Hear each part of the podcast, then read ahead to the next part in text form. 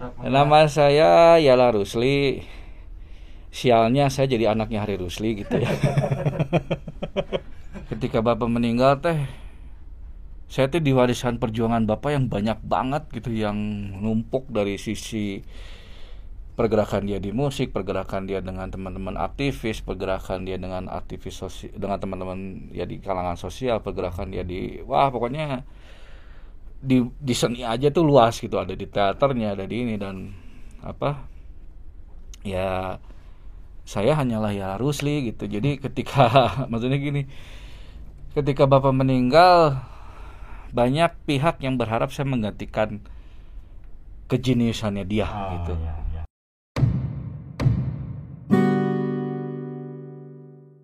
Oke, eh, teman-teman, eh, ketemu lagi di channel YouTube Indonesia Tanpa Stigma. Kali ini hostnya beda.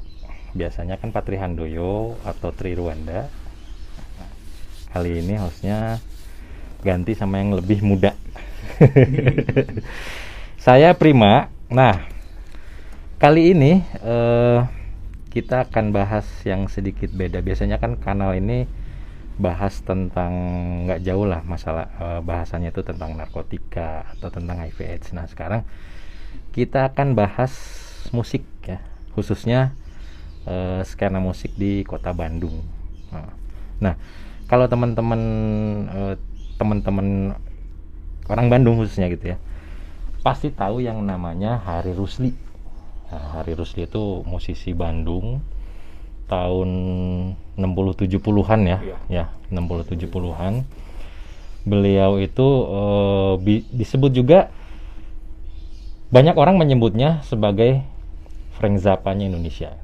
Siapa Frank Zappa? Teman-teman bisa bisa bisa browsing lah Frank Zappa itu siapa. Nah, Hari Rusli, Hari Rusli sekarang udah eh, udah almarhum udah meninggal dan eh, banyak sekali karya karya Hari Rusli, Rusli itu yang eh, bisa saya saya sebut tiga di sinilah Eh, Hari Rusli itu punya band kelompok musik namanya Hari Rusli and His Gang Eh, sorry, The Gang of Hari Rusli. The Gang of Hari Rusli ya Ah, The Gang The Gang of Hari Rusli kemudian eh, dia juga almarhum juga membentuk perkumpulan Depot Seni Kreasi Depot Kreasi. Depot Kreasi Seni Bandung, DKSB ya. Iya. Dan eh, yang sekarang masih ber berjalan gitu. Hmm, Betul. Itu adalah Rumah Musik Hari Rusli, RMAR. Nah, bersama saya di sini ada eh, anaknya almarhum Hari Rusli, namanya Layara Rusli. Ya. Ya. Betul. Perkenalkan diri dulu, Kang Yela. Ah, Sebutnya Mang Yela aja ya, Mang Yela Oh, ya. enggak, Eh, orang Mang Yela. Sundanya. Ah, ada orang Sunda. Sok. Nama saya Yala Rusli. Sialnya saya jadi anaknya Hari Rusli gitu. Eh, ya saya eh, apa? Sekarang saya melanjutkan eh, sedikit ya kalau dibilang sebenarnya sedikit sih sedikit perjuangannya almarhum bapak karena kalau Mhm. kita bicara perjuangan beliau sebenarnya banyak banget tapi saya mah sebenarnya hanya sedikit lah melanjutkan perjuangannya almarhum bapak Iya, iya. terus eh, masih jomblo Ah, masih jomblo ya pak ya boleh kan Yang Jomblo? boleh, ya? boleh. sekalian sekalian sekalian ini aja sekalian Boleh promosi. Yang berminat boleh nanti Yang di berminat kolom di komen. sini. di kolom komen boleh. dan ya sekarang sih eh, kegiatan saya aktif untuk membina eh komunitas anak-anak jalanan dan pengamen jalanan. Nah ini kita bedain dulu karena masih banyak orang yang suka bilang ya anak jalanan pengamen jalanan mereka selalu menyamakan padahal namanya anak ya anak. Oh, Gitu kan, iya iya iya. kecil. Betul betul betul. Kalau yang udah gede masa disebut anak. ya ya. ya. Nah, itu tergantung profesinya di jalan gitu. Jadi sekarang saya aktif ya, di pembinaan musik ya untuk anak-anak jalanan yang pengamen dan juga teman-teman pengamen jalanan di Bandung. Nah, berarti Mang Yala teh sekarang teh ngurus RHMAR. Yap. RHMAR. Nah, ini eh, kalau saya ingat dulu ya ma, eh, almarhum Hari Rusli itu kan eh, dikenal dengan musisi nyeleneh gitu ya. Iya. Out of the box lah anti mainstream. betul, betul. Kayaknya nurun juga ke anaknya tadi dia, dia bilang kan sialnya Sialnya. saya jadi anak Harry Rusli tak kenapa sialnya teh kenapa kenapa sampai sampai Mang Yala bisa nyebut ah, saya teh sial gitu jadi anak Rusli teh gitu Sialnya mah pas bapak meninggal temenang warisan. Enggak lah itu sebenarnya Ah. apa ya? Saya sih lebih ke apa ya? Ya berbeda mungkin dengan dengan dengan tanpa maksudnya menyudutkan musisi-musisi lain cuman ya.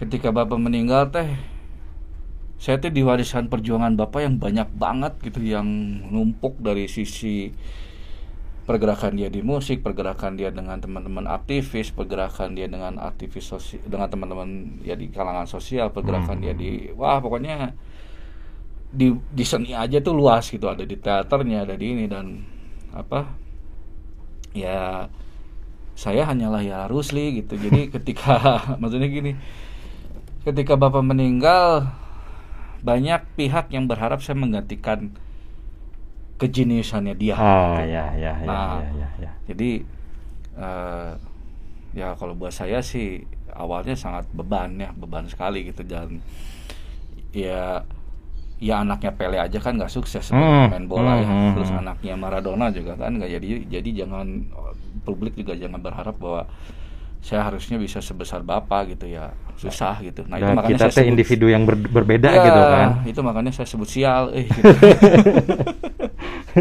nah eh almarhum kan meninggal 2004 ya? 2004 tuh. Berarti sejak itu tongkat estafet si RMHR teh. Kita kita bicara khusus RMHR ya betul. Kang Yala ya. Mangga, mangga. berarti si tongkat estafet, eh, tongkat estafet itu teh beralih ke diambil Ya. sama Mang Yala gitu Iya, bisa bilang diambil tapi bisa bilang ya nggak sah deui. Ah, nya dalam tanda kutip kapaksa gitu nya kapaksa betul betul betul. Nah. Jadi eh jadi gini, jadi waktu bapak meninggal itu sebenarnya gini, RMA itu sebenarnya lembaga kursus sih. oh iya sebenarnya. iya iya jadi iya, apa, iya. RMA itu bukan eh, tidak ada sebenarnya dulu waktu zaman masih bapak tidak ada kaitannya dengan anak jalanan sebenarnya. Hmm, Jadi itu hmm, hanyalah lembaga kursus yang almarhum bapak dirikan untuk eh, saat itu eh, dia ngebantu ini apa namanya eh kan dia guru guru, guru- eh dia nggak bu- bukan guru besar ya tapi tapi dia pokoknya punya keterlibatan aktif di eh, seni musik UPI kan Iya, iya. sama ya seni musik UPI lah waktu itu dan dia melihat banyak alumninya yang nggak bekerja Mhm. yang dia dia merasa istilah Nyundana menyaah itu Ya, kan ya, ya. udah kamu pada kerja aja di ini di tempat saya sok saya bikin kursus kamu pada ngajar gitu jadi awalnya sih sebenarnya itu si RMAR tuh Oh. kegiatan anak jalanan sama pengamen jalanan sih sebenarnya dulu kegiatan pribadi dia Oh, itu terpisah dari Terpisah, RMHR itu sendiri. terpisah nah DKSB sendiri saat itu sebenarnya fungsinya sebagai event organizer waktu itu sebagai unit usaha lah bisa dibilang Hmm, ya, ya, ya. nah ya, ya. setelah bapak meninggal eh, ya kita lanjutin gini eh, kita DKSB karena kita nggak capable saya ya Ya, saya pribadi ya. sebenarnya saya Hmm. saya pribadi nggak nggak nggak punya kemampuan di bidang IO jadi manggalah itu mah silahkan yang senior senior aja gitu Hmm. karena saya nggak nggak nggak punya passion di situ Ya, ya. nah akhirnya kan tinggal tempat kursus sama pergerakan teman-teman anak jalanan kan Mhm. Nah, kita waktu itu berpikir eh, gimana caranya nama bapak tetap terdengar gitu. Ya udahlah, akhirnya waktu itu namanya anak jalanan, pengamen jalanan, udah aja lah disatuin aja dengan nama RMAR. Hmm. Dimasukin aja ke dalam satu nama itu RMAR. Hmm. Jadi RMAR itu jadi ya lembaga kursus, kursus non formal mungkin Ya, ya, ya, ya. sama eh, komunitas eh, teman-teman jalanan gitu. Nah, eh, yang lebih uniknya kalau di mana-mana perusahaan mah kan lebih besar perusahaan daripada CSR-nya ya. Ya, ya, Nah, ya. kita mah lebih dikenal CSR. Jadi orang lebih sering RMA itu kan anak jalan pengamen jalan enggak sih kita kursus kursus Ya, ya. cuman orang Eh, lebih lebih mengenal dengan Terus terang saya saya kita. pribadi juga baru tahu gitu ya Iya, kalau iya, iya. kalau awalnya RMHR itu eh, lembaga kursus betul gitu. betul betul Ternyata ternyata lembaga kursus ya. Mm-mm. Eh, non formal ya saya dan mungkin banyak orang orang lain juga kenalnya RMHR mah hubungan aja yang anak-anak jalanan Betul, dan betul. dan eh, setiap saya gitu ya, Hmm. saya, saya pribadi setiap nggak tahu teman-teman teman-teman juga ada yang berpikiran sama atau enggak. Setiap saya ngelihat eh, di jalan Hmm. orang yang ngamen, kepikirnya teh RMHR gitu. Padahal nggak semua kan ya. nggak semua Nah. nggak semua Eh bicara soal RMHR dengan anak jalanan dan pengamen jalanan betul itu yang inisia eh, apa apakah si RMHR sendiri inisiatif ngumpulkan atau si pengamen jalanan sendiri yang datang Hmm. Oh, sih iya, iya. gitu eh sebenarnya sih ada tiga cara ya Ah, ah, ah. tiga cara yang pertama sih memang eh apa mereka datang sendiri. Ah, yang kedua itu rekomendasi. Jadi teman-teman yang udah lama Oh. di sana mereka bawa temennya ah, yang ketiga itu biasanya kita nge, nge- apa penjangkauan kita yang oh. Ngajak gitu. Hmm, dan dari situ sebenarnya yang paling banyak sih sebenarnya yang rekomendasi. Oh ya sebenarnya yang paling Hmm. banyak yang yang datang sendiri agak jarang. Terus kalau yang kami penjangkauan jadi artinya saya turun ke jalan kita turun ke jalan ngelihat ajak gitu alhamdulillah tak aya oh. alhamdulillah itu mah nggak berhasil eh. nggak pernah berhasil ah gitu itu dari semenjak saya ngambil alih ya bukan ngambil alih ya maksudnya di, di yang meneruskan lah ya meneruskan lah ya Ah, ah. ya gitulah ketika di jalan ngelihat anaknya wah ini berbakat eh, ayo mana ngeluh diajar jeung orang Hmm. alhamdulillah tak aya Gagal. Nah. Kang Ela, saya pengen balik lagi ke Hmm. 2004 ya pada Mm-mm. saat eh, Bapak meninggal gitu, Iya. Kang Harirus meninggal. Yang ada di pikiran Mang Yalat Hmm, pas ya tadi kan bilang, hmm. aduh harus melanjutkan, harus oh iya, iya. seolah-olah harus eh, menjadi sosok dia gitu Iya, kan, iya, padahal nggak bisa seperti Betul, itu kan. betul. Apa aja sih yang yang yang apa eh, yang ada di pikiran Mang Yala waktu Hmm. itu supaya Iya, iya. karya-karya si bapak teh Hmm, eh, langgeng terus Iya. kan ini warisan ya betul, betul. langgeng terus dan eh, pasti kan dengan nama besar Hari Rusli ayah beban gitu ya betul. bebannya seperti apa dan gimana sih Hmm. cara merilisnya itu teh kumaha gitu Ya. perjuangan-perjuangan Mang Yala lah Iya. Sebenarnya sih ini karena ini ya. Kan lima menit sebelum dia meninggal dia tuh bilang ke ibu saya waktu Hmm. itu. Jangan matikan lampu di meja ya kerja saya. saya pernah dengar itu Itu. jadi- jangan matikan lampu meja saya dan itu punya arti luas Iya, ya iya. ya sok Ya itu sebenarnya waktu bapak iya, ibu ibu ibu baru cerita itu hari ketiga atau hari keempat setelah bapak meninggal. Hmm. itu kita ngumpul kan lagi Hmm. lagi apa ya di rumah lagi sarapan lah Hmm. terus ibu cerita kalau ya bapak tuh ngomong gitu Hmm. jadi sebelum bapak meninggal dia bilang jangan matikan lampu di meja kerja saya Hmm. ya ibu juga akhirnya apa sih maksudnya Hmm. Mas Hari itu kan ibu manggilnya Mas Hari Hmm. kan Mas Hari itu apa maksudnya ya akhirnya waktu itu kita diskusi ya kita memaknainya seperti kita memaknainya bahwa ya jangan jangan apa ya jangan berhenti Hmm, apa yang hmm, sudah dia hmm. kerjakan karena bukan secara harafiah bahwa jangan matikan lampu di meja kerja saya terus lampunya dihurungkan wae dah lumayan. Lumayan listriknya PY-nya Ya, jadi bukan itu juga. Ya ya lampunya mas sekarang udah ke mana? Udah Ah, di gudang ya. Mejanya juga udah ke mana? Ya bukan itu maksudnya. Spirit sih Ya, yang spirit saya kan. rasain. Ya, spirit dia spirit, harus spirit. terus harus terus apa harus terus ah, jalan. Hmm, terus hmm, apa yang hmm. sudah dia perjuangkan juga harus terus berjalan gitu. Itu sebenarnya yang sampai hari ini kalimat itu yang jadi spirit kami sebenarnya. Hmm. yang jadi spirit kami bergerak yang jadi Hmm. spirit saya untuk bergerak gitu ya. Walaupun ya harus saya akui eh, memang nggak bisa semua semua aspek kehidupan dia kita bisa terusin ya. Betul artinya betul betul. eh, cuman ya kalau saya sih memaknainya kenapa saya turun ke teman-teman yang di jalanan karena eh, tujuh atau tujuh ya ya berarti tujuh kan sembilan tujuh sebelum ya tujuh. Tujuh tahun terakhir eh, kehidupan dia kan aktifnya dia dengan teman-teman di jalan. Oh. Itu sih yang kalau saya sih ya memaknainya ya lanjutin perjuangan dia yang terakhir gitu. Oh. seperti itu ya tentang eh, keberadaan teman-teman yang di jalanan lah itu. Itu sih Jadi sebenarnya. kenapa sampai sekarang si RMHR fokus ke pembinaan pembinaan itu? karena itu tadi ya tujuh tahun terakhir almarhum eh, fokusnya di situ Fokusnya di fokusnya situ. di situ di teman-teman yang jalanan dan teman-teman yang ini cuman ya ya itulah eh ya alhamdulillah sih sekarang berarti 2005 ya hampir 11 ta eh 15 tahun ya 16 17. tahun mau 16 tahun ya ya 16 tahun. Ya 16 tahun kita masih bisa jalan sih Alhamdulillah. Untungnya ya walaupun udah nggak ada bapak Hmm. walaupun memang udah kerasa berat banget sekarang sedikit curhat sedikit curhat Berat beratnya teh kumaha sih, Mang? berat nate kehilangan Apa sosok kehilangan sosok ya? Kehilangan sosok, bukan bukan karena berat oleh nama besar kan? bukan Tapi- ber- eh, beratku sosok sosok ya.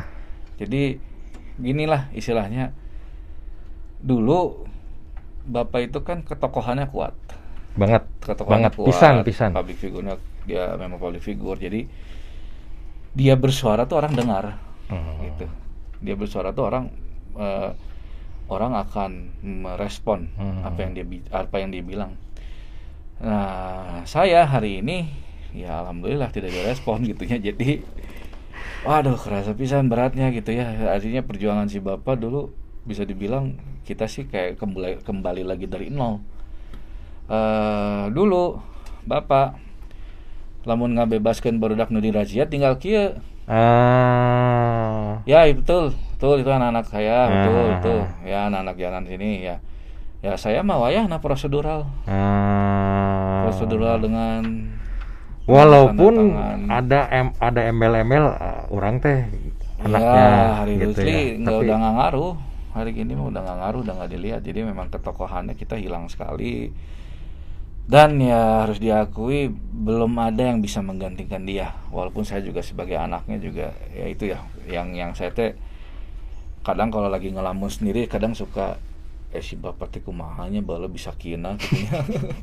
eh si bapak teh kumahanya carananya udah masa cangka pikiran asa asa hese ya itu ada suka kayak ngawang-ngawang lah gitu kayak apa eh ya proses apa sih yang si bapak dulu lakukan supaya dia sampai suara dia bisa didengar gitu itu kan yang, yang, yang apa Hmm. yang saya coba mema, mem- me- apa mempelajari Iya, gitu iya, yang iya. sampai hari ini jujur belum dapat gitu ya konsultasi sih sama sama Hmm. sama sama sobat-sobatnya bapak gitu kan Hmm. gitu tapi ya ya memang memang, memang beda aja memang, beda. orang beda ini kan Betul, ya kita kita beda. nggak bisa disamakan makanya juga. dari dulu juga si bapak termasuk kalau kita bicara musik bapak aja nggak pernah ngarahin saya dan kakak saya untuk bermain musik seperti dia.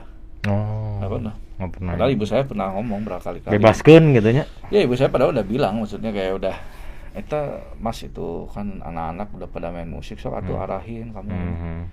ah lah sorangan weh gitu. Jadi dari awal saya main musik eh, SD lah Hmm. saya main musik SD gitu ya. Sampai bapak meninggal berarti saya kuliah. Dan cuma sekali bapak ngasih saran tentang musik. Naon cenah sarana? Cuman sarannya Apa- waktu apa itu ya cuman ini aja bahwa ya kamu harus bikin sesuatu yang berbeda itu aja. Ah, Jadi ya. tong sarua jeung batur pun yang kayak kayak ya itu aja sih. Setelah itu mah udah nggak ada nggak pernah diarahin "Mau harus kayak main musik harus enggak. Jadi ya Hmm. itu saya memaknai bahwa sebagai ya itu bahwa Yala Rusli ya sebagai Yala Rusli aja ya tidak harus menjadi Yala Rusli itu sebagai the next Hari Rusli betul Gitu. betul Itu. tugas kita mah hanya meneruskan hanya meneruskan dan merawat warisannya Betul, legasinya warisannya, gitu legasinya. ya Makanya kenapa saya tidak tidak mau ngeklaim bahwa hari ini eh, tiba-tiba saya bilang ini anak jalanan asuhan Yala Rusli. Oh enggak, saya nggak mau. Karena tanpa adanya seorang Hari Rusli, Yala Rusli juga belum belum tentu hari ini bakal ngurus.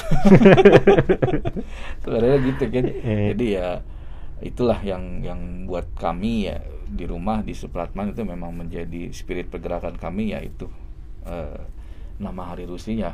Tapi bu- maksudnya gini, bukan cuma sekedar kita bicara bahwa nama Hari Rusi besar jadi ah lebar itu dipakai di ngaran si bapak gitu enggak Ah, juga ah, sih. ah, Tapi ah. emang kita ada spirit itunya aja karena kita berkumpul hari ini ini karena ada itu karena ada seorang Hari Rusli itu Jadi intinya bukan ngejual nama Hari Bukan Rusli kan, nama Hari Rusli tapi gitu, kita membawa spiritnya Hari Spiritnya Rusli kan. Hari Rusli gitu Iya iya. dan iya. ya kalau mau jual udah kebukti kan hari ini nggak laku Hmm. makanya nama Hari Rusli juga dah curbatur gitu. Dah zaman dulu juga ya. Menurut saya gitu ya, musik-musik Hari Rusli mah emang eh, sih. bukan bukan disebut musik populer Iya, kan ya. nyeleneh. Saya punya ya kebetulan ayah saya temennya Kang Hari Iya. ya. Ayah saya teman Kang Hari sama-sama di Aktuil waktu itu. Oh iya. Oh itu yang tahu majalah Aktuil Ah, Aktuil, Aktuil. itu bendel Aktuil terus si papa teh punya plat Hmm. plat Hari Rusli Iya iya iya. sama saya didengerin Hmm. nggak masuk eh ke Iya. kuping teh eh. nggak masuk gitu Emang. emang emang musiknya nggak apa bukan musik populer cuma Iya. ya itulah Dan dia selalu fair. Hmm, Maksudnya hmm. fair itu dalam artian memang misalkan nih saya sama kakak saya si Hami dipanggil. Hami ya lah sini. Dengerin aja. Hmm. Dengerin. Ini dengerin lagu Bapak. Suka nggak? Enggak.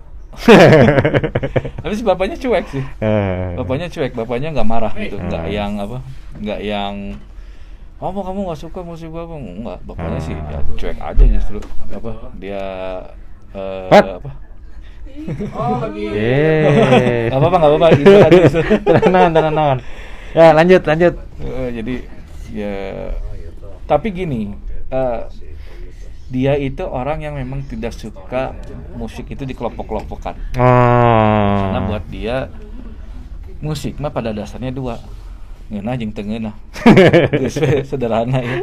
Karena dia mah dia dia dia tuh gini eh, dia nggak bisa bahwa ekspresi musik dia tuh harus dibatasi Oh. untuk sebuah aliran. Kan Hmm. itu mah aliran itu kan hanya bentukan industri. Ya ya. Bentukan industri bahwa oh anak metal mana mun beki metal dan danana kudu kieu oh attitude-nya harus gini kalau punk gini terus kalau pop gini kalau jazz gini.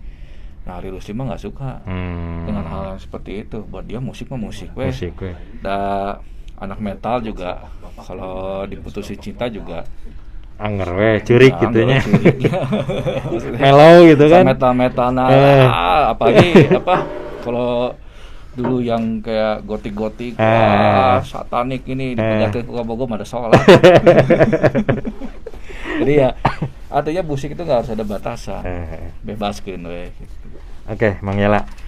Eh poinnya tadi ya bahwa Mang Yala dan teman-teman di RMHR itu intinya bukan menjual nama Hari Rusli, Oh, kan, bukan. tapi membawa spiritnya Hari Rusli. Nah, sekarang ini di RMHR sendiri kegiatan utamanya apa sih untuk khusus untuk anak jalanan itu ya? ya kalau sekarang sih di kita memang masih fokusnya ke pembinaan musik ya Pembinaan musik. artinya memang eh, kalau mengutip istilahnya bapak eh, kalian itu kalau ngamen harus merepresentasikan musik kamu Hmm. jangan dijadikan ini suatu aktivitas pemerasan secara halus Hmm, hmm, hmm, hmm. nah jadi bapak itu selalu ingin memberikan didikan kepada teman-teman bahwa eh, aktivitas ngamen itu aktivitas yang memang sebenarnya punya nilai manfaat gitu. Jadi ya jadikanlah ini satu profesi sebenarnya. Makanya ini kan yang memang apa satu advokasi yang sekarang kami perjuangkan adalah ya bedain antara preman dan pengamen. Nah, Karena itu, Mang. bukan preman gitu Itu Mang, eh pengamen iya betul hubungannya dengan Satpol PP. itu udah ibarat ini ya kayak udah Nah, heeh. itu itu R Hema Iya. R Tom and Jerry ya, Iya, kayak iya, Tom and Jerry kan, pengamen begitu. dengan dengan Satpol PP itu. ya Menurut pandangan R Hema R sendiri, kudu kumaha sih harus gimana sih? Karena kan eh tempat-tempat ngamen itu dibatasi kan ya. ya, ya. Lampu merah nggak boleh, Betul, lampu betul. merah itu bukan tempat untuk mengamen. Betul. Sementara kan sekarang kayak kayak jamur lah Betul. banyak sekarang banyak gitu kan. sekali banyak sekali Nah ngelihat ngelihat itu gimana sih? Sa- Satu sisi pengamen butuh uang untuk makan gitu kan. Iya, iya. Terus sat- temen sementara di sisi lain kita juga ada peraturan Betul, gitu. betul. Nah itu Mang Yala ngelihatnya kumaha gimana Wah, sih? Mang? emang kalau ngebahas ini Mau beres-beres ya? dua jam kayak juga nah, Heeh. cukup di dinya Heeh. karena kompleksitas masalahnya sih Nah, tinggi heeh, sekali. heeh. Cuman kalau saya meng, meng- apa men, meni- meng- menggarit menarik lah Heeh. benangnya sebenarnya kusutnya sih kalau dari saya pembangunan tidak merata Oh. di Indonesia itu ya pembangunan yang tidak merata. Kalau kita bicara Indonesia pusatnya semua ke Jawa. Hmm. Dan kita di Jawa Barat pusatnya semua ke Bandung gitu. Mhm. Dan kenapa mereka semua ke Bandung ya? Karena mungkin tidak ada pilihan pekerjaan di di apa di daerahnya masing-masing. Mhm. Yang artinya ya itu masalah pembangunan tidak merata gitu.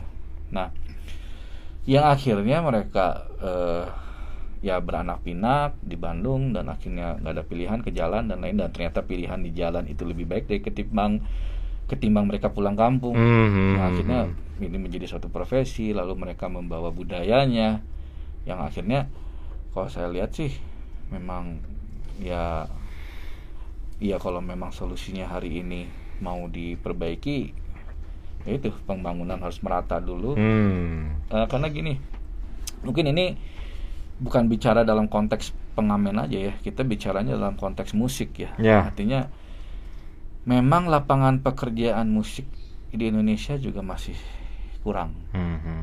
Artinya ya padahal bisa bisa dibilang musik itu disiplin seni yang cukup populis ya. Hmm, ya ya ya. Nah, kebayang kan berarti yang seni tari, Ya, yang ya, seni apa itu Masih kan banyak yang lainnya Wah, gitu itu kan. masih masih banyak lagi PR-nya gitu. Nah, seni musik aja yang bisa dibilang populis ini lapangan pekerjaannya masih minim gitu. Semua terpusatnya hanya di kota besar. Salah satu contoh ada anak pengamen kita di di dia salah satu binaan kita. Hmm, hmm, hmm. Nah, karena sudah saking pinuhnya, dia kembali ke kampungnya, ke Cililin dan Ciparai. Terus di kampungnya ngapain? Dia bingung Oh. karena dia kemampuannya musik, dia kemampuan musik. Di sana nggak ada yang namanya live musik, dia sana nggak ada. Jadi dia bingung mereka mau ke mana ada ya udah akhirnya kembali ke kota gitu. Di tapi di kota udah penuh kan, sudah terlalu penuh gitu. Dan akhirnya ya itulah yang membuat mereka kenapa ke jalan hari ini gitu. Jadi eh, terkadang persoalannya juga bukan semata-mata persoalan ekonomi doang gitu. Ya, Jadi ya. memang ada persoalan sosialnya juga Ya, gitu ya. yang kita lihat memang eh ya aslinya gini. Ini kan bicara kalau musik kan ada ada ada ada istilah passion, Ya ya. passion main di musik gitu. Hmm. Nah, katakanlah mereka kena razia, diberi pelatihan keterampilan yang bukan musik, ya nggak akan kepake. Hmm. Mereka passionnya di musik, ya harusnya sekarang bikin lapangan pekerjaan. Ya gini, pembangunan harus merata dulu. Lapangan pekerjaan musik bisa merata. Karena saya pernah diskusi ini sama almarhum Grand Fredly ya, Hmm. almarhum Grand Fredly. Dia tuh pernah ngobrol sama saya, ya lu bayangin kalau orang di apa di luar negeri mungkin berpikir untuk tur Eropa atau apa Hmm. Coba lu bayangin kalau di Indonesia infrastruktur merata dari Aceh sampai Papua itu kan sekitar hampir 500 lebih kota ya di Indonesia dan di di Indonesia tuh. Hmm. Kebayang kalau satu musisi tuh dari Aceh sampai Papua bisa-bisa mungkin setahun atau dua tahun baru pulang gitu ya. Dan di satu kota itu katakanlah dia punya income segini segini Hmm. berarti pulang-pulang bisa jadi miliarder kan kalau memang merata pembangunan dari dari dari Aceh sampai eh, Papua dan semua kota-kotanya punya infrastruktur musik yang sama. Daya beli dengan penyebaran selera musiknya sama gitu kan. Jadinya bisa hidup seperti band-band Amerika kan bisa tur Amerika mereka itu. Jadi artinya mungkin dengan seperti itu eh, orang yang ya bisa dibilang orang yang jadi miskin karena kan miskin itu kan kategorinya macam-macam Ya. artinya ada ada kalau saya sih melihatnya ada kategori miskin yang memang karena dia ngejar passion dia ngejar passion jadi kepaksa jadi miskin gitu Dan nggak cuma soal materi kan Nah, miskin itu soal kan. materi gitu jadi eh nah sekarang kayak misalkan anak-anak tidak boleh lagi di lampu merah Hmm. ya harus ada solusi ke mana artinya ya gini dah kalau kita bicara pengamen jalanan negara maju juga ada ya Ya. Artinya Street performer Iya, ya merenya kalau kalau di negara-negara Ah. apa? Ada ada interupsi. Masih. Ada ya negara-negara maju juga banyak kan Iya, iya, sebenarnya. iya. cuman kita bicara tata kelola aja lah. Nah, itu ya tata kunci kelola, tata kelola ya. jalanan. Artinya ya mungkin disebut par bisa kerjasama. Artinya sok yang mau ngamen boleh tapi diseleksi. Des, tapi ya diseleksinya juga bukan kayak kayak bukan kayak ajang pencarian bakat. Hmm. bukan lah Hmm. nggak harus dengan gitu. Harusnya maksudnya diseleksi yang mini, minimal mah tefalas-falas teuing yang minimal tefalas-falas teuing main gitar. Nah kan berarti oh benar ini kamu ngamen. Nah, maksudnya kalau Ah. benar ini kamu bisa main musik. Boleh. Kamu boleh ngamen. Kasih kartu ngamen. Ya kan? Hmm. kasih kartunya Siga kartu prasejahtera ya gitu ya.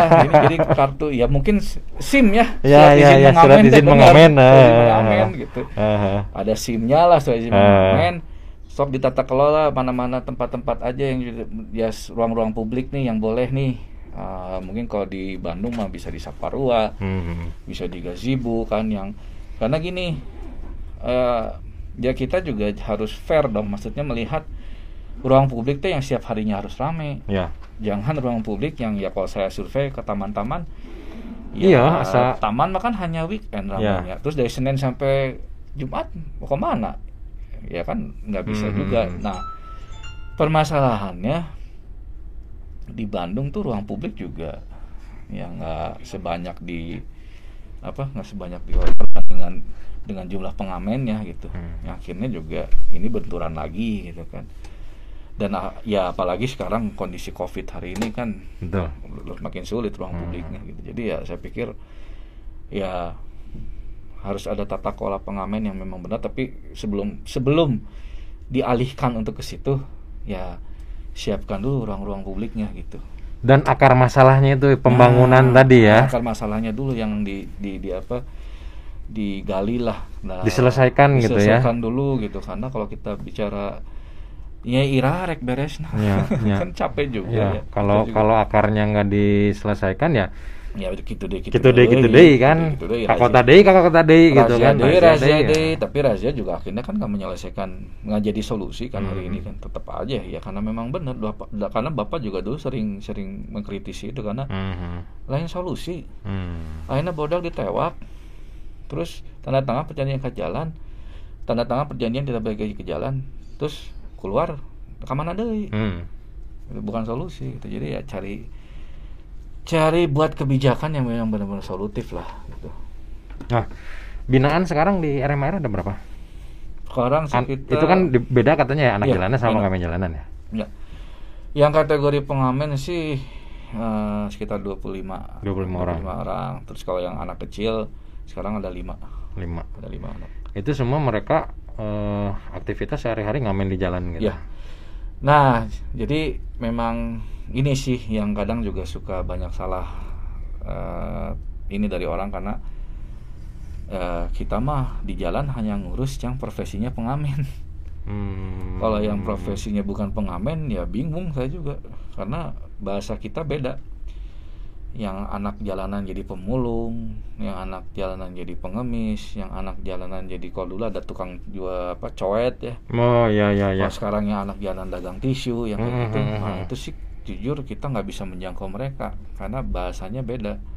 Eh, mereka eh inilah kapasitas kita emang di musik, dan itu aja gitu. Jadi Jadi memang Nah. khusus anak betul bisa- yang yang yang berhubungan dengan musik lah.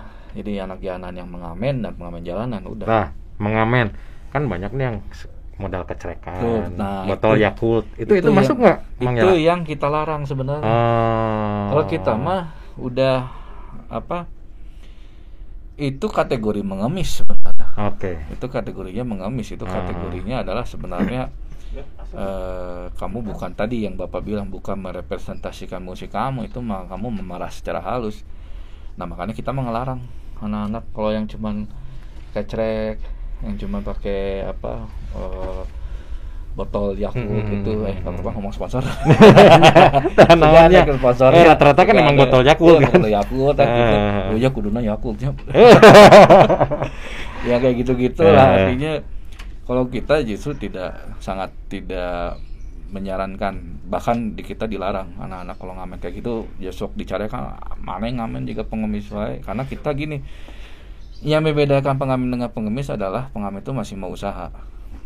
Udah belajar musik teh uh nggak gampang kan Iya. susah ya. Jadi itu yang memang ada nilai usahanya loh kalau pengamen tuh gitu, Hmm. ya. Nah eh, itu yang dulu bapak sering membedakan. Bedakan antara pengamen bedakan antara preman bedakan antara Hmm. pengemis itu bukan bukan suatu bidang yang sama. Hmm, hmm, hmm. itu bukan satu yang sama bukan satu dimensi yang sama gitu. Cuman makanya kan kadang bahasanya suka ada preman berkedok pengamen. Hmm, gitu kan. Hmm, ada hmm. pengemis berkedok pengamen Hmm, gitu kan hmm, ya makanya eh, hari ini juga kita kolaborasi juga sama KPJ Hmm, kelompok hmm. pengamen jalanan Oh ya ya. kita kolaborasi sama Oh. KPJ untuk sama-sama sosialisasi Hmm. eh, nilai-nilai inilah Hmm, hmm, hmm. Oke. Masuk ke bagian-bagian akhir nih Mang Yala. Eh, saya pernah dengar kalau nggak salah tolong koreksi ya. 57 kustik oh iya iya itu kan santai kan dari RMR juga kan ya? iya iya Asalnya mereka di jalan di jalan kan Betul, sampai betul. akhirnya bisa membentuk. betul betul Itu dibentuk oleh RMR atau inisiatif mereka Oh, sendiri? sih? Jadi itu mah kebetulan dari jalan mereka Oh. sudah jadi sebagai satu grup. Oh gitu. Dulu namanya masih Semut Pandawa. Oh. Karena dulu masih kecil-kecil, Ah, terus ah, mereka ah. berlima, jadi Ah. nyebut nama grupnya Semut Pandawa. Mereka datang ke Supratman udah ngegrup ya, Oh, udah udah berlima. Jadi dan sebenarnya waktu mereka datang ke Supratman juga tingkat musikalitasnya udah bagus lah. Oh. Jadi sebenarnya bukan kita kita tidak memulai dari nol sebenarnya Oke. waktu itu. Yang memulai Hmm. sebenarnya yang memulai dari nolnya waktu itu bapak. Oh. Bapak. Hmm. Jadi bapak itu eh, kan kalau di jalan memang ada koordinator kan. Hmm. Ada koordinator ada namanya Wi Prabu. Hmm. Nah, itu jenderalnya anak-anak lah. Hmm. Nah, dia sebenarnya awalnya tuh dia Hmm. yang ngajarin anak-anak ini main biola, yang ngajarin anak-anak ini main gitar dan akhirnya eh, mereka berkembang. Terus ya Uwi menitipkan itu ke saya, Hmm. ya kita bina di Hmm. rumah gitu dan ya alhamdulillah maksudnya eh, perkembangan mereka juga memang semakin bagus, semakin mereka menyadari bahwa ini musik bisa jadi satu lahan profesi Ya. dan sebenarnya Hmm. lebih ke ini ya em, ke perbedaannya kan mereka merasakan suatu apresiasi. Hmm, hmm, hmm. Jadi ketika mereka manggung di jalan dengan mereka manggung di tempat yang memang ambience-nya konser atau Hmm, hmm, sebuah eh, apa sebuah acara ya. Kan ada tepuk tangan, Hmm, ya, ada ya, ya. penghargaan itu yang memang membuat mereka semakin apa percaya diri, Hmm, hmm, menimbulkan percaya dirinya bahwa memang ya kamu bernilai sebagai seorang manusia gitu kan. Ya. Nah itu eh, hal-hal seperti ini teh yang hari ini saya sulit lakukan Hmm. karena ya lagi pandemi ini kan ini yang membuat eh, apa ya memang bisa dibilang kalau berurusan yang sama anak-anak kecil kita dikejar waktu Ya. kita dikejar waktu karena istilahnya kalau bapak dulu mau memberi apa memberi contohnya kekhawatiran bapak itu anak-anak ini kalau tidak secepat-cepatnya dibina akan menjadi orang-orang yang pintar tapi jahat Hmm. itu yang bapak selalu khawatir Karena karena pengaruh di jalanannya itu Betul. mungkin ya. Ya, dan mereka memang anak-anak pintar, maksudnya memang basic pendidikan mungkin tidak tinggi ya, Iya, iya, iya. hanya lulusan SD, bukan bahkan SD aja yang nggak tamat banyak, tapi persoalannya mereka tuh bukan anak-anak ya suruh tes IQ aja tinggi kok, Hmm. pasti bisa tinggi gitu, jadi bahaya kan kalau tidak diimbangi oleh suatu eh, apa ya, saya mah nggak mau menyebut pendidikan mental, tapi lebih ke pendidikan alternatif lah gitu ya supaya mereka ya tidak menjadi orang-orang yang pintar tapi jahat itulah Ada aya nu nyalurkeun meureun gitu nya bahasa sederhananya Iya, gitu iya, ya. betul, betul. Ada yang ada yang menyalurkan gitu ya. Eh, betul artinya perbedaan anak jalanan sama anak-anak yang lain itu hanyalah masalah nasib dan kesempatan itu aja Ya. nah itu yang yang rumah kami dan almarhum bapak kita coba berikan kesempatan itu ke mereka gitu Oke.